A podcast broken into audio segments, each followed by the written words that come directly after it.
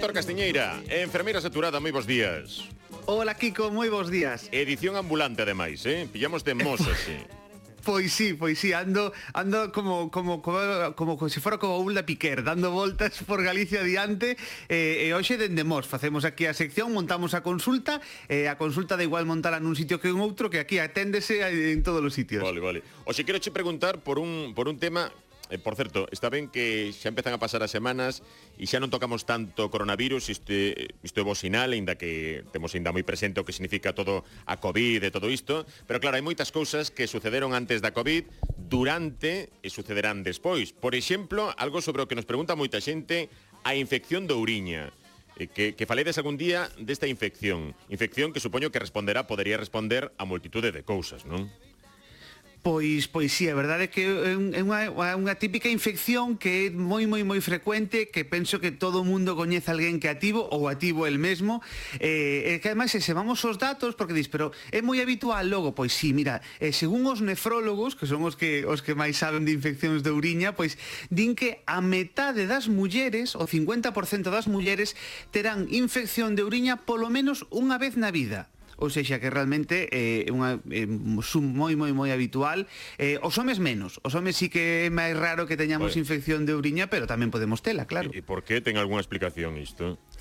Pois sí, sí, sí que ten unha explicación, é unha explicación anatómica realmente, porque se vamos aos datos, además os homes teño por aquí o 10%. Soamente o 10% dos homes terán infección de uriño unha vez na vida. Bueno, realmente é un tema anatómico. Que pasa que eh, a, a uretra, a uretra que é eh, ese conducto que une a vexiga co, co exterior, realmente para, para expulsar a uriña, pois a uretra nas mulleres mide soamente aproximadamente uns 5 centímetros e a uretra nos homes aproximadamente mide 20 centímetros. Estou falando da uretra, non sí, sí, outras cousas. No, estaba pensando eu, estamos, claro, medidas estándar, pero um, hai nos que temos claro. um, medidas superiores, claro.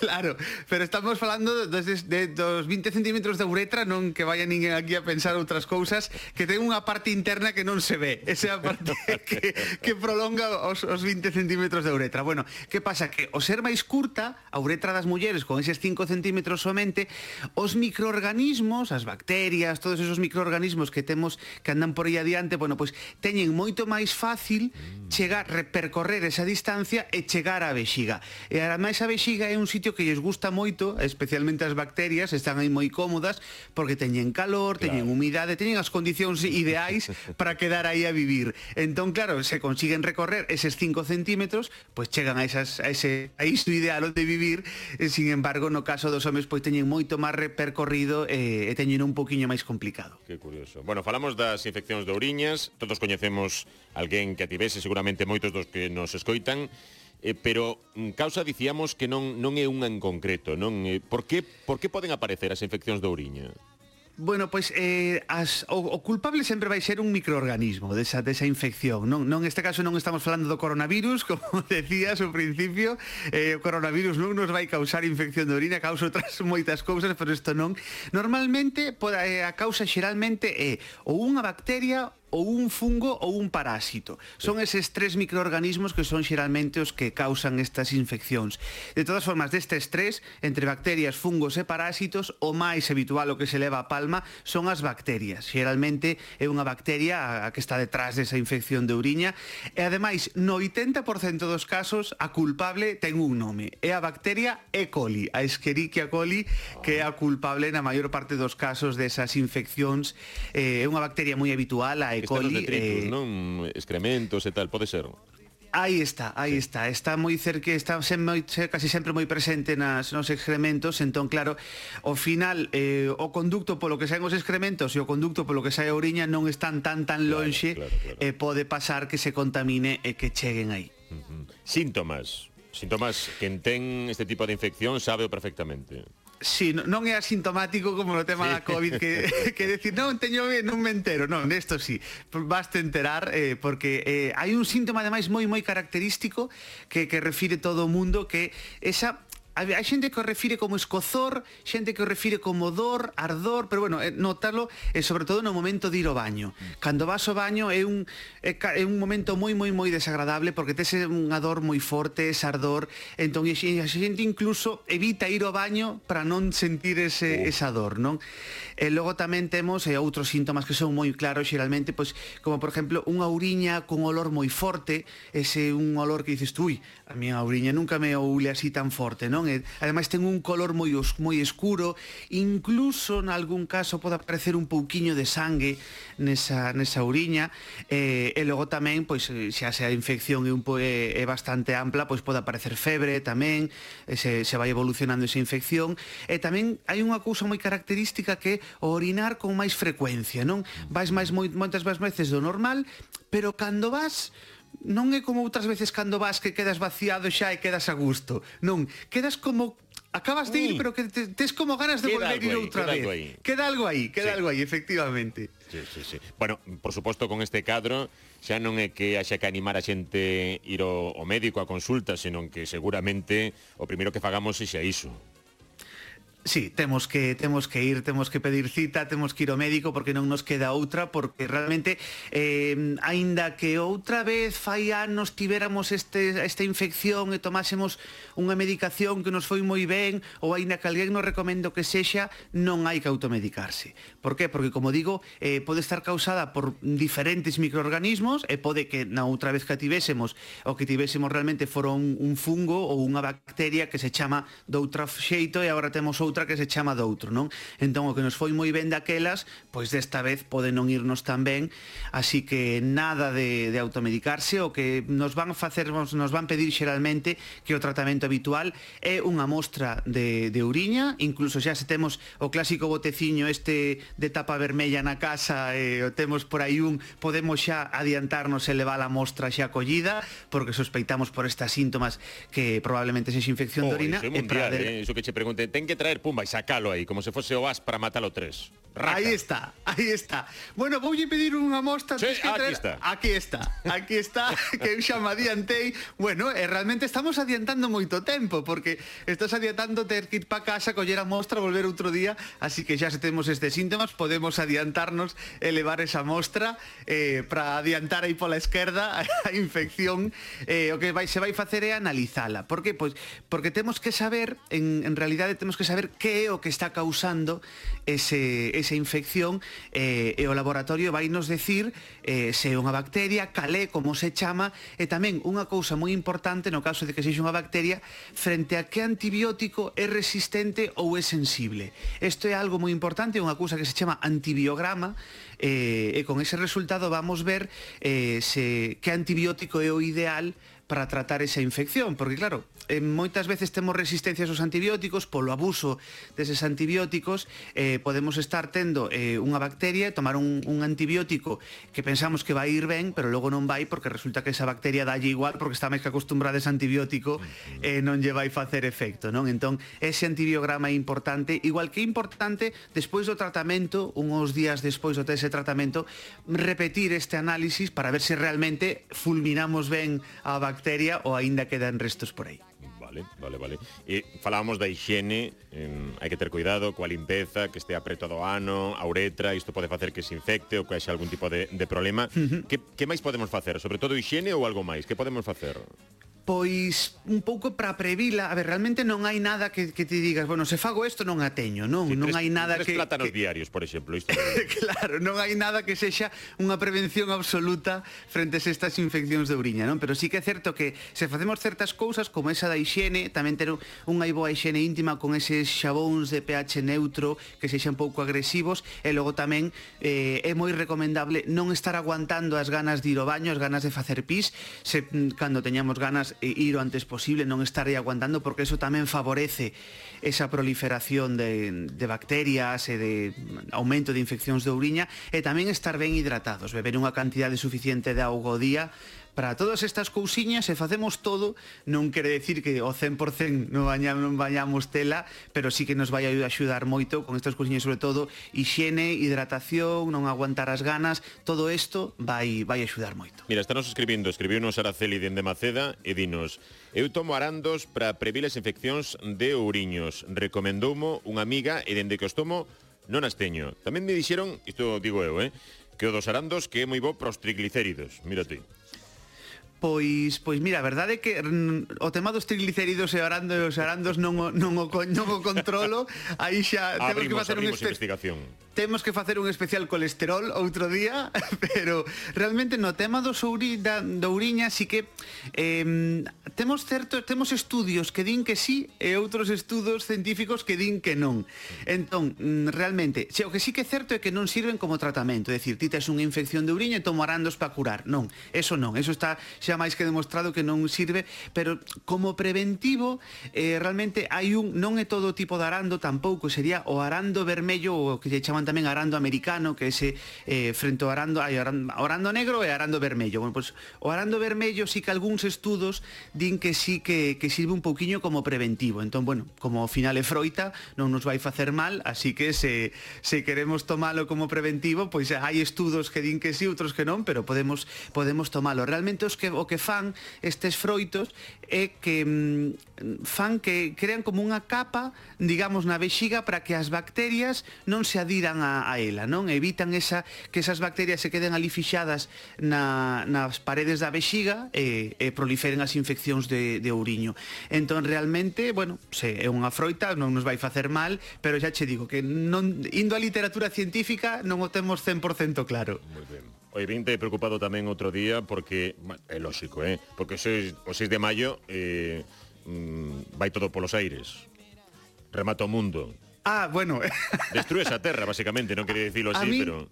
Claro, a mí non me viña moi ben, pero bueno, se ten que ser, eu xa non digo claro. nada, porque mira, entre a calima esta que, que tivemos, entre a calima... Que máis pode pasar? A, a, a guerra, eu non sei, estamos vivindo unos tempos, E por tempos, arriba andan Kiko... abrindo momias por aí, por favor. Si, sí, xa vin tamén outro día no, no teu Twitter que andan, por, por se non facía poucas cousas, veña, vamos todavía a facer máis cousas e a facer máis cousas raras a ver que ven, non? Eu xa penso que só quedan os marcianos xa por vir e que aparece unha, unha nave, non sei, non sei que vai pasar ou que de repente o Gaia se abra e salga de aí unha nave que, o que o Gaia se abra tamén, iso pode pasar a Cidade da Cultura, pode pasar calquera cousa. Bueno, compañero, coidate moito, eh, Héctor. Veña, pois por aquí seguimos, eh, seguimos coas consultas, eh, eh, preparamos ese especial colesterol que penso que pode estar interesante para Vale, vale, día. ímolo apuntando. Veña, perfecto, un aperta Kiko.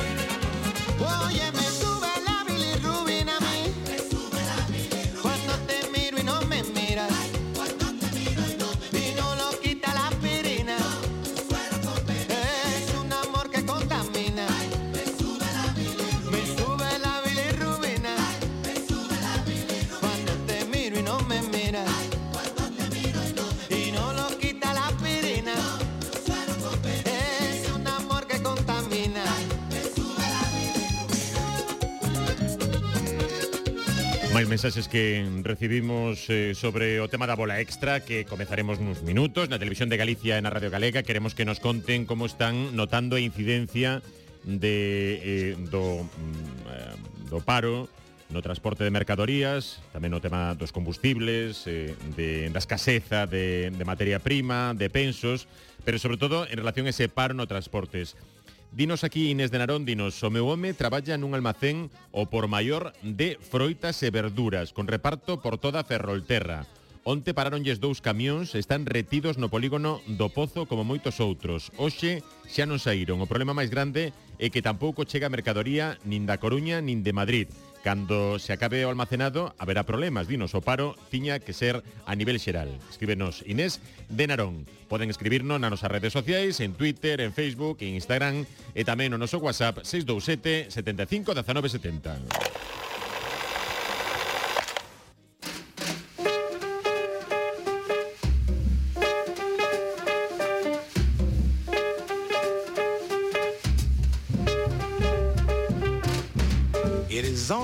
Paper moon hanging over a cardboard sea. But it wouldn't be make-believe if you believe in me. It is only a canvas sky sailing over a muslin tree. But it wouldn't be make-believe if you believe me. Oh, Without your love, it's a honky-tonk parade. Oh, Without your love, it's a melody played on a penny arcade. It's a Barnum and Bailey world, just as phony as it can be. But it wouldn't be make-believe if you believe in me.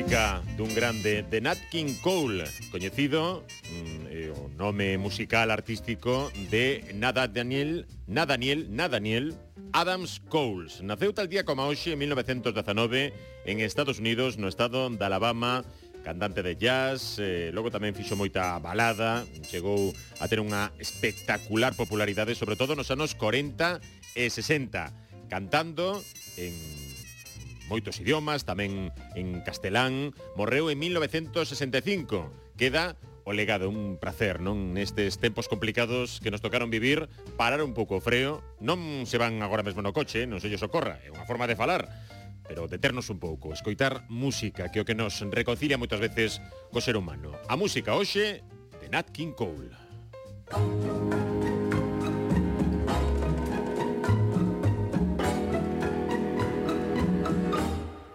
Aquellos ojos verdes de mirada serena dejaron en mi alma eterna sed de amar, anhelos de caricias, de besos y ternuras todas las dulzuras que sabían brindar. Aquellos ojos verdes serenos como un lago en cuyas quietas aguas un día me miré no saben las tristezas en mi alma han dejado aquellos ojos verdes que yo nunca besaré.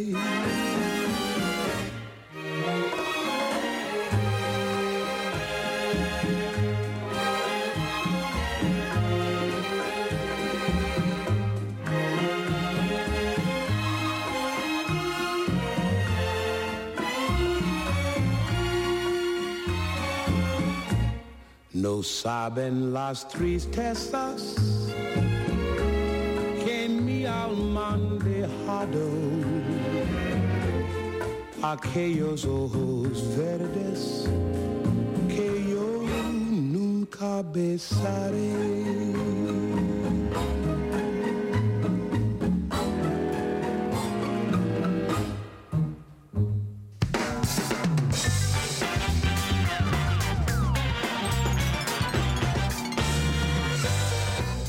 que golpea un avión fletado polo inserso para voar de Palma a Galicia. Si efectivamente fun eu.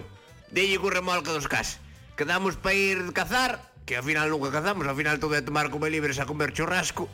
Levo indo a cazar 20 anos, ainda non disparei a escopeta. Non sei nin por onde salen os cartuchos. E aí vimos que estaba subindo un avión, todo chavalitas novas, pero novillas, eh, de 70 para baixo todas. E dixen eu, arrímolle co rebalque dos cans e teñen que baixar, e aí eu atacolles. Pero non me funcionou por culpa dos serjas. Iban cos maridos todas, ainda están vivos. Esto non pode ser. Galicia por diante.